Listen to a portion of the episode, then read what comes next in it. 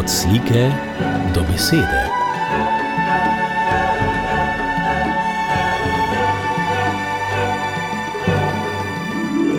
Od slike do besede.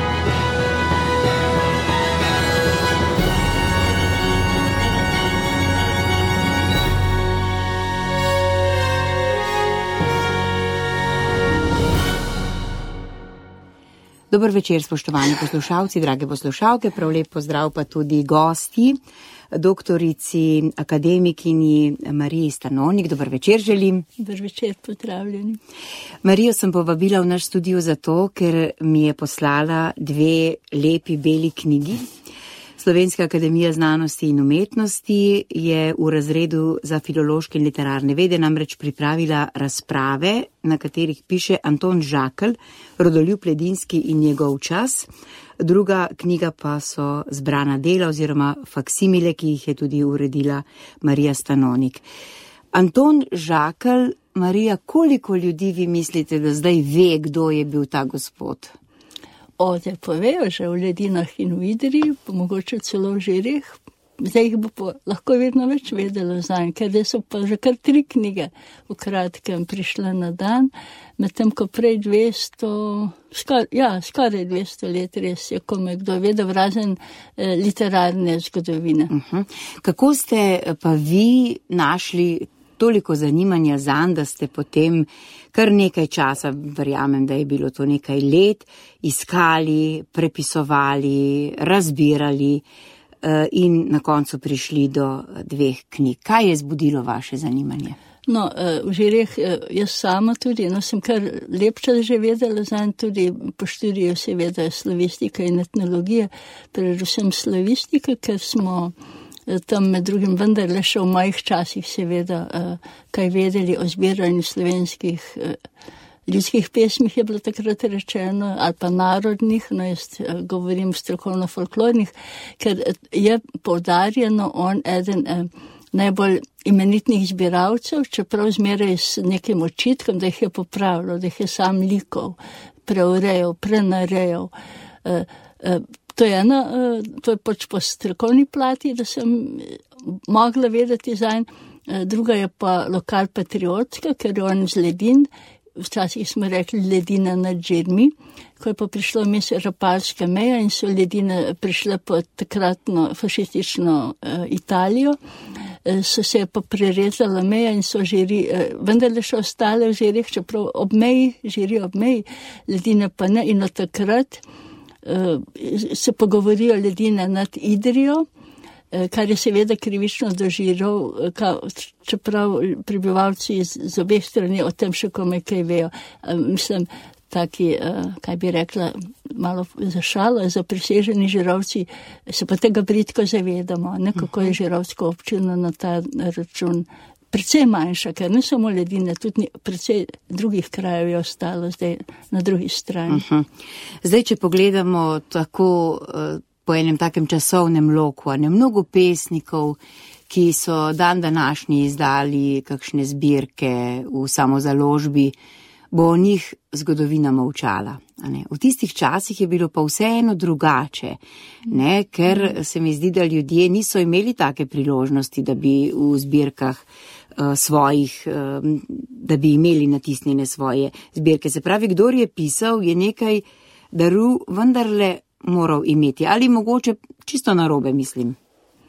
Ne, to je bil čas uh, slovenskega, slovenske narod, narodo krepitve slovenske narodne zavesti in vsaka slovenska beseda je pomenila veliko več, kakor nam danes, kar nam seveda delo strahotno škodo. Tega se je treba zavedati. Tudi danes je za slovenščino in slovenski jezik in slovensko narodno identiteto britko naporno, samo da se večina ljudi tega ne zaveda, kako globoko smo zabredli, lahko temu rečem, kar javno. Skratka, eh, Anton Žakal s primkom oziroma s primikom Radoljub Ledinski eh, se je tega dobro zavedal. On je bil eh, po, po naravi, seveda po študiju, pa tudi zelo razgledan, eh, zelo bister. In meni je zelo, zelo žal, da mu niso bile dane možnosti, da bi svoje darove lahko izkoristil. To se vidi zdaj, ko sem prebirala te njegove rokopise, leta ravno ne meseca, pa kar, zato ker sem to delala zdržamo. Drugače se človek od enega do drugega branja že pozabi posamezne eh, poteze, posamezne črke, kaj, kaj je pomenilo. Tako da je tako reč, vse po, mojim, po mojih izkušnjah treba zdelati v enem kosu, zdržamo. Drugače je treba spet vse jovo na novo, skratka od začetka eh, se uvajati v posamezno pisavo. In um, Žakelj je imel zelo nesrečno osebno usodo. Oče mu je umrl, ko je bil star komaj dve leti po pol. In potem se je mama, mati njegova, s tremi sinovi eh, preselila na drugo kmetijo, tam, eh, ker, je tam, ker je ta kmetija v ledinah pripadla uh, sinovom starejšega, uh, skratka prve očetove žene, ker mu je umrla. Ne? Potem je pa tudi ta oče prav kmalo umrl no?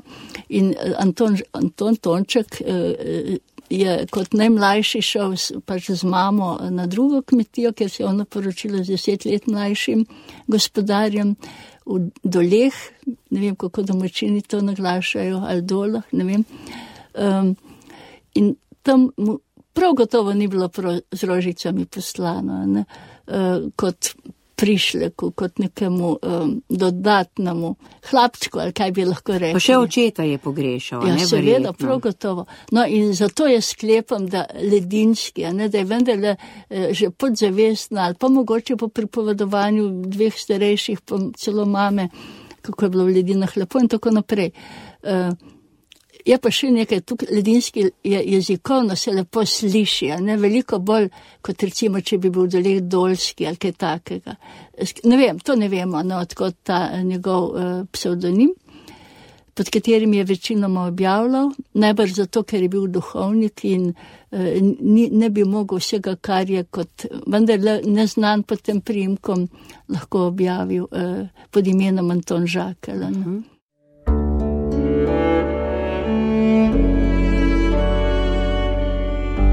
Poslušate podcast Radia Ognišče.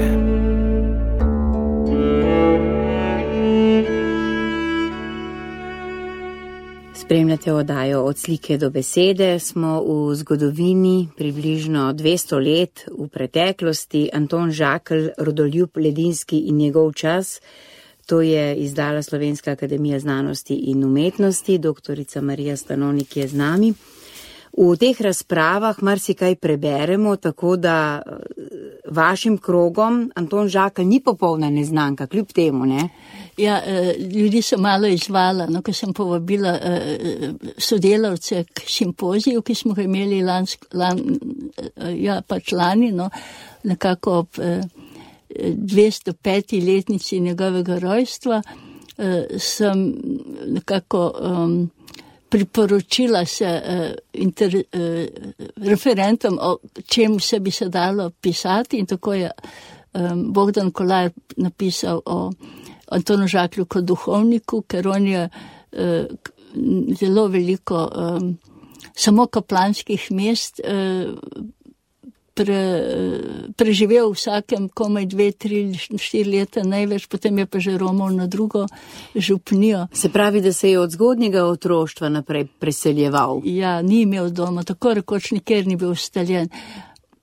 Ne vem, jaz sem tam nekje napisala, da mogoče mu je celo to zlezlo pod kožo, rečeno po domače, da sam ni imel nekako te, te eh, umirjenosti v sebi, ali uh, ga pa res drugi niso sprejeli takšnega, kot je bil, ker je bil vendar lepo naravi uh, pesnik pa intelektualec, to je treba povdarjati. On je bil po premišljavanju, po dometu svojem, on je bil intelektualec in uh, tem, v tem podeželskem okolju se prav gotovo ni mogel dobro počutiti. In uh, to je res neka osebna tragika, no, ki sem jo, ko sem to njegove pesmi eh, predelovala, študirala, smem reči, eh, se mi je nekako britko dogajalo, no, kako izgubljamo naše talente. Uh mhm. -huh.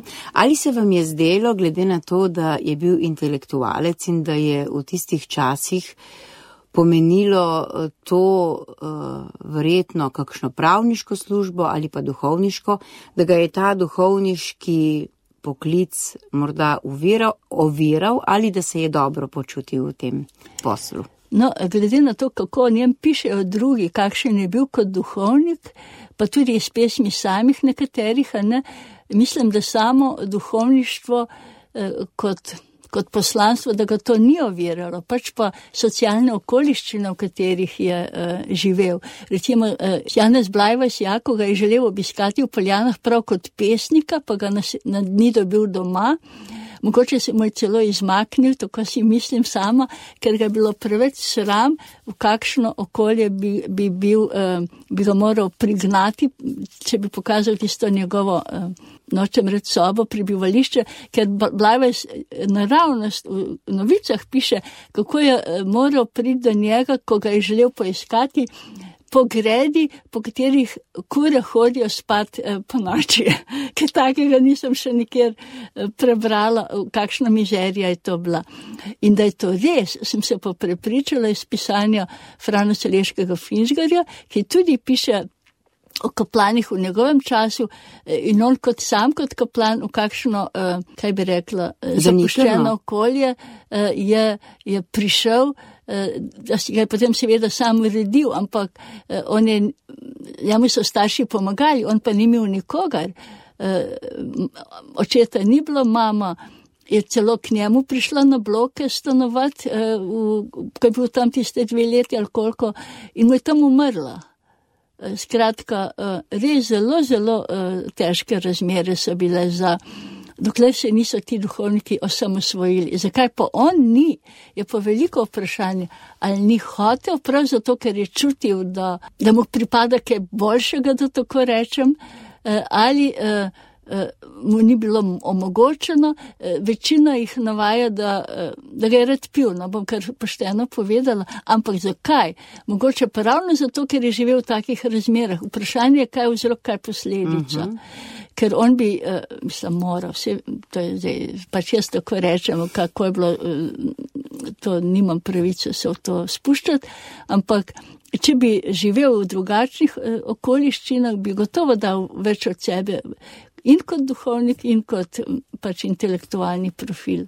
Anton Žakl je objavljal tudi v časopisu, imamo tudi nekaj uh, slik, fotografij, ne, kako so te pesmi izgledale. Kako mislite, kaj mu je pomenilo to, da je njegova pesem objavljena? Ja, ne, on je lahko objavljal samo v kmetijskih narkodelskih novicah, pa Blavej smo jo omogočili tudi eh, prirejeno, res zelo razširjeno varianto Mlade brede, ker je postala zelo popularna eh, bolj drugot po svetu, eh, na Polskem, v Rusiji, kot, kot v Sloveniji, ampak drugot pa ni imel možnosti za objavo. Žal takrat ni izhajal noben literarni časopis, pa še to sem nekako zasledila nekje, ko ko, um, ja, mislim, da uh, slovenski glasnik, nekaj izhaja od 1858 do 1868. In a že je kratica, urednik piše, to je bil Anton Janežič, ki ga silno, silno cenim, eh, prav zaradi tega njegovega dela, da je drugim omogočal, da so prišli lahko na dan s svojimi pesmimi ali pa prozo. Eh, piše, da nima več nobenega izvoda, to se pravi, da ga je najbrž prosil, če mu lahko pač brez denarja, brezplačno kaj pošle, eh, ali pa celo, da so tisti, ki so kaj objavljali, pri njem morali sami mu kaj dodati, da je časopis sploh lahko izhajal. Ker se silno čudim, namreč, ko je on umrl, žakel, da eh, ni bilo o njem nobene. Eh, nekro, poštenega nekrologa, niti v zgodni danici, čeprav je tam dve pesmi objavil, ampak tako mimo grede so objavili prav takrat, ko je ko je pač umrl, kot v spomin na mesto nekrologa, so se lepo eh, nekako izmaknili, eh, pač, da bi kaj več pisali o njem. Pač je pa Anton Janežič v zadnji številki slovenskega glasnika, ko je napovedal, da ne bo več mogel izhajati, napisal zadnji članek, ki je še kaj, ki ima neko težo, prav to v spomin Antonu Žaklu, da je umrl pred nekaj meseci, pravi, to ne takoj, ampak pa ni nič objavljal v, v, ča, v slovenskem glasniku, pač mi je pa Janežič omogočil objavo v nekaj svojih eh, šolskih berilih takratnih. To se pravi, da ga je on resnično cenil. In moram reči, da ko sem to odkrila, se mi je prav odleglo, ker sem potem čutila, da ga je ta krok eh, vendarle cenil. In ko je Josip Jurčič tudi napisal eno pesem, kar je zelo nenavadno, da, Jos, da vemo o tem, da se jaz no zame, je bilo to neko majčkano odkritje. Je napisal eno balado, ampak kot da piše o sebi, ampak jaz sem imela občutek, da je to merilo na to nažakle, že za ljubo ledinskega, ko pravi, ko bom umrl, me pustite na miru, da bom vsaj tam imel mir. Ker Antono Žaklus je eden njegovih rojakov, zelo, zelo, to se vidi iz dveh, vsaj dveh njegovih pesmi, zelo, zelo. Um, Nagajal. Nagajal se grdo reče, ja. lepo reče, kaj hujšega bi se še dalo. Uh -huh. ja.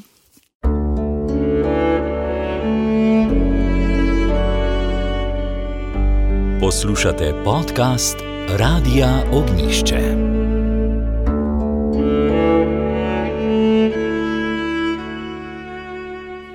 Spremljate oddajo od slike do besede, predstavljamo oziroma skušamo prikazati portret Antona Žaklja, kot ga je doživela dr. Marija Stanovnik, rodoljub Ledinski, se je podpisoval. Eh, tudi rodoljub, ne, lepo ime, če smo prej o Ledinskem nekaj rekli. Ja, takrat je bilo to popularno, to je bilo eh, takrat kar eh, nekaj pesnikov se je tako podpisovalo. Marija, kaj pravite, bi morda našim poslušalcem takole za pokušino? prebrali, kaj kar je napisal, oziroma kakšno tisto, tistih pesmi, ki so se vam zdele nekako bodi si po umetniški plati, bodi si, da je vanje prelil svoje globoka čustva, takih najboljših. Kaj pravite? Ja, lahko vam dam priložnost, vi znate zelo lepo brati.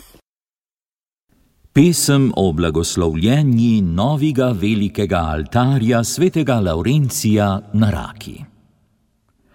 Oj, dajmo z veselega srca zapeti zdaj pesem hvaležno Bogu za tak dar. Račani, poglejmo, veselje zauzeti na novi, zdaj blagoslovljeni altar.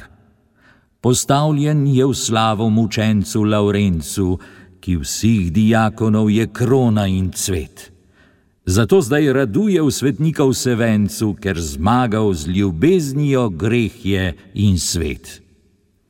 Njegova ljubezen je bila goreča še bolnik na torniga ognja požar, sijala na rožu je z lic mu plamteča, ko sebe na ognju dal žgavni je dar.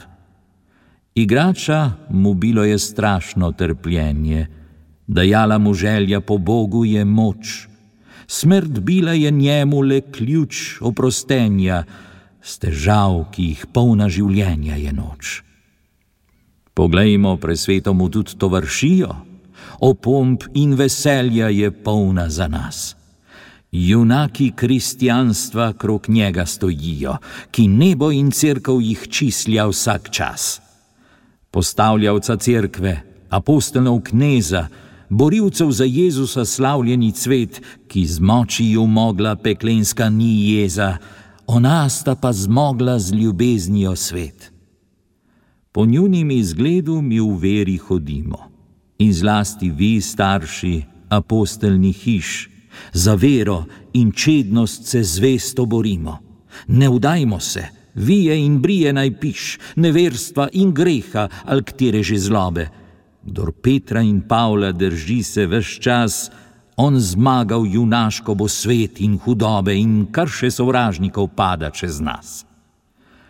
Poglejmo dva druga svetnika sloveča, Alojzija in Štefana, čednost vseh vzor. Posebno nju čistost je rajsko duhteča, nju slavja človeštvo in angelov zbor. Oba za izgled si mladinstvo ti jemlji, kdar svet zapeljuje almika te slast. In zmoglo boš slednjo nastavo na zemlji, si čistost obarvalo zmagalo strast.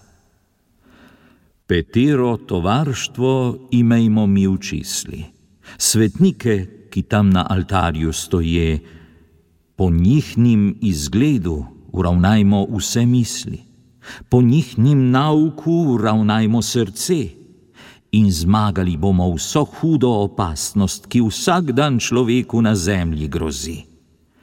Ter prišli vsi bomo v nebeško gdej jasnost, tam uživati s patroni neskončne dari. Angel in dete. Polnoč je. Svet počiva in luna lije nan za plač od dnevnih trudov sladkobo mirnih sanj. Vse spi, le mati čuje kraj bolnega sinu in tarna in zdihuje, da smili se Bogu. Obup so šli zdravniki, molče hiteli preč in materi zabodli v srce obupa meč. Ah, njeno dete rožco ji vrtnarica smrt čez zemlje presaditi tje gori v rajski vrt. Pa kakor med deževje zasije sončni zrak, se detešce nasmeja med njenih solzic mrak. Tolažiti si mater, ji utešiti srce, ji jame govoriti besedice sladke. Oj, mati, mila mati, ne jokajte tako zlo, me glava že jenjuje in koj mi bolje bo. Poglejte, tukaj iz glavja mil angelček sloni, me tak prijazno gleda, nasmehljaj se drži. Oj, mati, poslušajte, kak vabi me s seboj. On pravi, ljubi bratec, potegnijo z menoj. V nebesa zorno jasne zbeživa iz zemlje, vse polnejo hudobe, preslaba je za te. Na njih veselje umira, še preden se rodi, še blage sreče užitek ljudem srce tesni, in sama radost utaplja na zemlji se v neslast, in zdihlje ji šumijo skozi slednjo mrač in strast. Temnil bi tvoje čelo bojazni nepokoj, oblival v cvetlo lice bi groze hladni znoj, so vzebiti mračile oči, tak jasni cvet in greha ost zasajal bi v tvoje srce svet. Oj ne, mar z mano izbegni tje gori v sveti raj, tam sreča, tu neznana, nam si je vekomaj. Nebeškemu očetu boš tam kaj hvalo pel, se z angelci zigraval, sam angelček vesel. Tak pravi bolno dete, kar angel govori. Pa mati tarna huje, ni se v težavi zdi, da sinek umiraje že gre ob jasni um, da zgraja v bolni glavi mu že bleditve šum. In urevi na tla klekne, povzdigujoč roke, v molitev za jedinca se izmeni srce na zdihlejih perotah pošilja ga Bogu, bi rada ga zmenila za miliga sinu. In dolgo, dolgo moli, le kakor mati zna, ki ve, da Bog rad skuša, pa v skušnji moč tudi da. Obup že v srcu gasne, spet up dobiva moč, pa detešce zastoka in pravi jokajoč. Oj, mati, huda mati, ah, ne molite več. Ne vidite, da angel od mene bega preč. Na mest veselja si je z oči mu žalost zdaj. Bojim se, da bo zbegnil brez mene v sveti raj. In mati plane kviško, ga stisne na srce, gorke je oblijejo nje britkega solze, ter pravi: Hudo dete kak mi srce moriš, kaj srota bom počela, če ti mi ubežiš.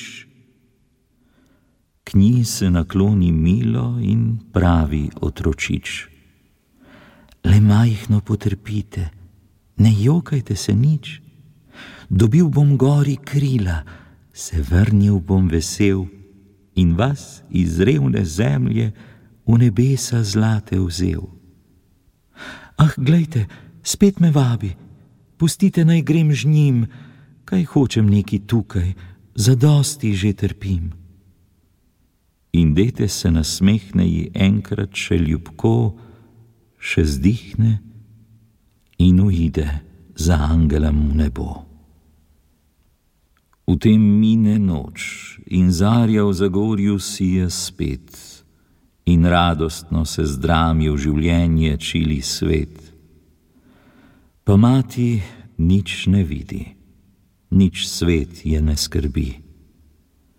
Za sinem odletelim v nebesa se želi. Tako zdaj smo slišali nekaj pesmi Antona Žaklja.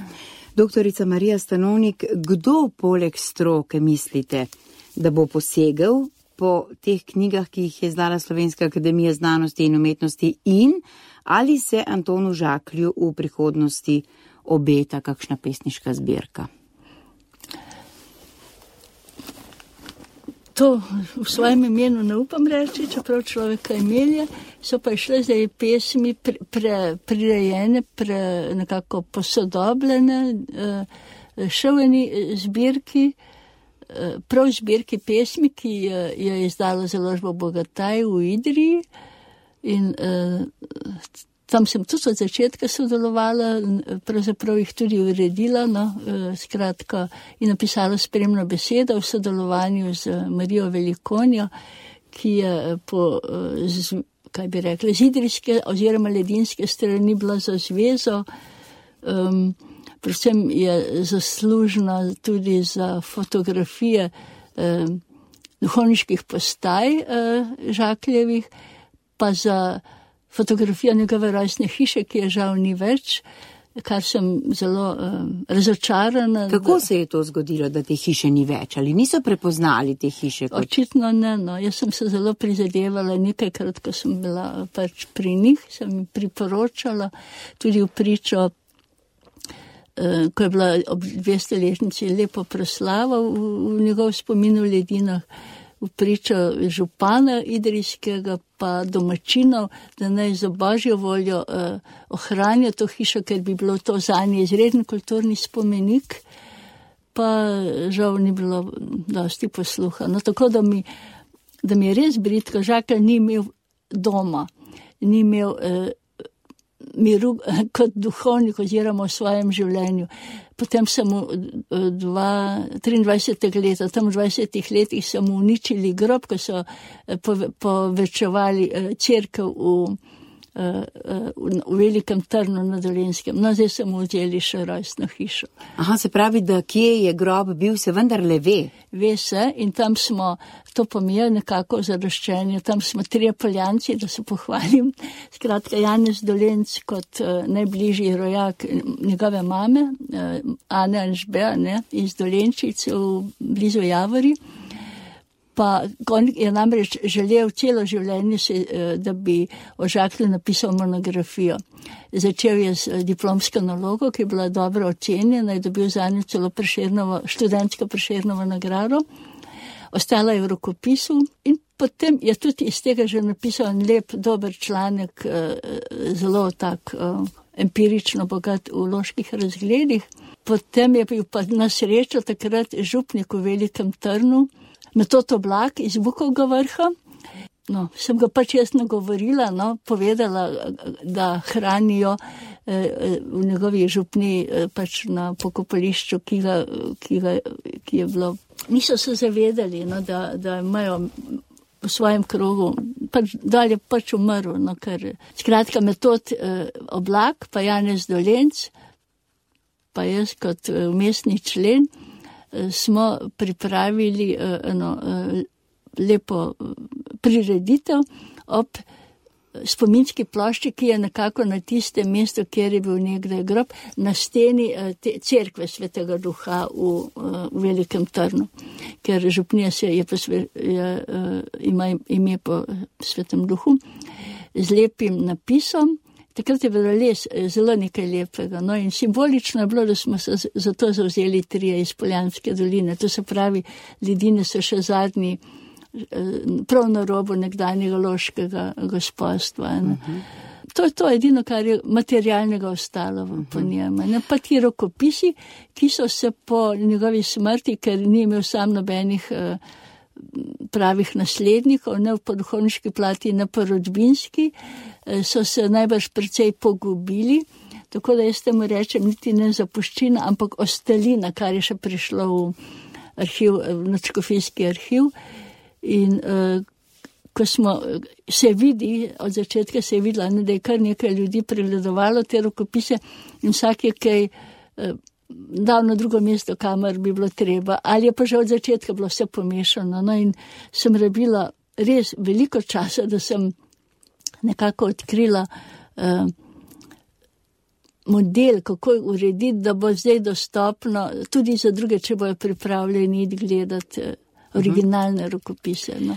Ampak zdaj, ko ti dve knjigi oziroma tri knjige že so, potem, ko tam vsaj domačini so seznanjeni s tem, kdo je bil Anton Žakl, Rodolju Pledinski, morda bo zdaj na kakšno okroglo obletnico spet prišel čas, da dobi tudi kakšen spomenik, spominsko ploščo. Kaj mislite, je to nemogoče? Ne, ni nemogoče, zato ker imajo v Ledinah, kolikor vem, eno kulturno društvo in tukaj imajo zelo lepo istočnico, da kaj delajo um, še naprej za me. Zdaj imajo po moje uh, lepo, res lepo. Uh, izhodišče. No. Ampak, gre, ampak niti lokalno, seveda je že v redu, da se zanimajo za en, pa da jim to kaj pomeni, da iz tem utrjujejo tudi lastno identiteto, za to gre. Ampak gre pa tudi za to, da bi dobil svoje mesto v slovenski kulturi kot taki. Ker on je vendarle mestni člen med Francetom Prešernom, ker ravno to so očitali jedinskemu, kako se preveč naj naslanja. Kdor uh, je samo bral njegove objave, to se pravi samo v um, um, Blavejsovih novicah, ne, uh, in pa med Simonom Jenkom, ne vmes pravzaprav. Ni boljšega, no, če se da, se, se ne da tako ocenjevati pesnike. In vsak pesnik je najboljši zase. Mhm. Ampak seveda preširni je bil res tako preširen čez vse, ne, da je hočeš nočeš vse ostalo nekako ostalo v neki manjši senci. Ja, ja, ja, ja, to je dejstvo, to je res, ne, da so potem drugi ostali v njegovi senci, pa se mu tudi hoteli približevati, kar je vsakemu posebej škodilo. Bi bilo veliko boljše, da bi ostali v svoji pesniški eh, poetiki, maniri, v svojem habitu. Ko so se mu pa začeli hoteli, želeli približevati, ga pa seveda nihče ni mogel doseči. Če bi pa ostal v svojem, bi pa ostala bukov bukov. Prešeren kot recimo hrast po hrast in bi to bilo nekaj eh, drugega. Ja, mešani gost, ne? Ja, no, recimo, ja. Doktorica Marija Stanonik, ko se vi takole lotite dela, odkrivanja, brskanja po arhivih in tako naprej, kako eh, potem tečejo vaši dnevi? Jaz si predstavljam, da je to precej nemirno početje, dokler ne pridete do konca, ni spanca, ampak spati je pa vendarle treba. ja, seveda je treba, no, ampak eh, človek živi pa s takim delom po dnevi in po noči, to je pa tudi res. uh -huh. ja, ampak je to. Um, Tako pač to gre, no? tako uh -huh. kot mati svojim otrokom, bi lahko rekla, uh -huh. če smem. Uh -huh. In uh, Anton Žakl, rodoljub Pledinski, nikakor ni edini, ki ste mu dali nekaj veljavega, spet privlekli iz pozabe. Uh, kar nekaj takih imen je še, ali se boste še koga lotili, imate koga zdaj že v delu, ker sta knjigi zunaj? Ja, imam, samo ne bi o tem zdaj govorila. Uh mhm, -huh, dobro, bomo počakali spet na knjige najprej in potem uh, boste povedali, kako ste brskali in delali. Uh, bi se vam rada zahvalila za to, da to počnete, ker sicer ne bi nikoli slišali za Antona Žaklja. Morda, če bi se kdo drug z njim ukvarjal, ampak kdo pa? O, najbrž bi se našli, vse drugače so. Uh, uh, v Idri je bil Rob, Rob, Robert Jerep, je tukaj tudi o njem že nekaj napisal. Pa, je pa, re, eh, pa Marija Velikonja, ampak seveda na podlagi raziskav tudi drugih, a ne to je tisto. Tre, nekomu je treba vendarle seč eh, koreninam, pa se poglobiti v rokopise. Eh, skratka, tisto duhomorno, dolgočasno delo za druge ostane tistim, ki smo. Hm, Včasih malo nori, najbrž kdo misli. Ampak jaz sem prepričana, da imate vi v tej norosti tudi nekaj takega skritega plačila in zadoščenja. Ja, če bi ne bilo veselja zraven, prav zagotovo ne bi mogla tega početi. No, potem pa hvala Bogu, da gre eno z drugim. Eh, se vam lepo zahvaljujem in želim vse dobro v nadaljem raziskovalnem delu. Hvala lepa, hvala tudi vam, da razglašate to delo teh ljudi, ki so res bili marsikdaj po krivici zapmočani. In tako, spoštovani poslušalci, drage poslušalke, smo prišli do konca oddaje, v kateri smo predstavili življenje in delo duhovnika Antona Žaklja. Z nami je bila akademikinja dr. Marija Stanonik, oddajo sem pripravila Mateja Subotičanec. Tehnično jo je uredil Boštjan Smole. Za nocoj pa hvala za družbo in lep večer še naprej.